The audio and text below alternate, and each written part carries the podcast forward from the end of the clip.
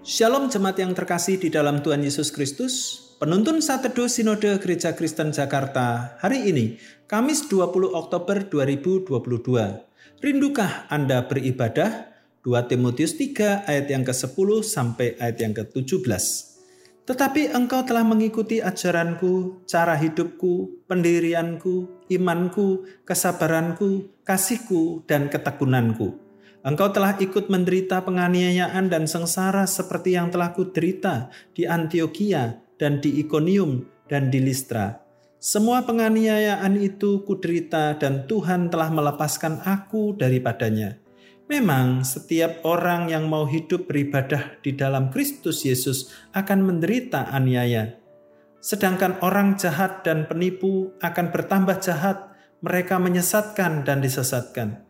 Tetapi hendaklah engkau tetap berpegang pada kebenaran yang telah engkau terima dan engkau yakini dengan selalu mengingat orang yang telah mengajarkannya kepadamu. Ingatlah juga bahwa dari kecil engkau sudah mengenal kitab suci yang dapat memberi hikmat kepadamu dan menuntun engkau kepada keselamatan oleh iman kepada Kristus Yesus. Segala tulisan yang diilhamkan Allah memang bermanfaat untuk mengajar, untuk menyatakan kesalahan, untuk memperbaiki kelakuan, dan untuk mendidik orang dalam kebenaran. Dengan demikian, tiap-tiap manusia kepunyaan Allah diperlengkapi untuk setiap perbuatan baik. Pandemi COVID-19 membawa banyak perubahan dalam kehidupan.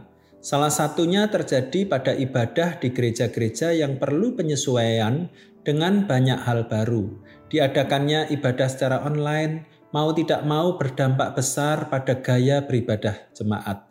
Dan sayangnya, di masa ibadah online banyak ditemukan jemaat tidak beribadah secara teratur. Ibadah disesuaikan dengan suasana hati. Ibadah online pada jam yang tidak teratur. Ibadah di tempat yang berpindah-pindah. Hal yang lebih ironis adalah melakukan ibadah sambil melakukan kegiatan lainnya sebab merasa tidak ada orang lain yang melihatnya. Sekarang, setelah situasi pandemi sudah membaik dan gereja kembali menggalakkan ibadah secara onsite, ternyata masih banyak yang enggan melangkahkan kaki untuk hadir ibadah di gereja. Nas hari ini mengajarkan tentang pentingnya menghidupi kebenaran. Iman tidak dapat bertumbuh tanpa hidup yang disiplin membangunnya di dalam persekutuan dan ibadah yang teratur. Kita harus tetap setia dan bertekun di dalam persekutuan, ibadah, dan pengajaran firman, karena dari situ juga akan terbentuk kesabaran menghadapi berbagai macam tantangan dan penderitaan, seperti kesaksian hidup yang dialami oleh Paulus dan Timotius.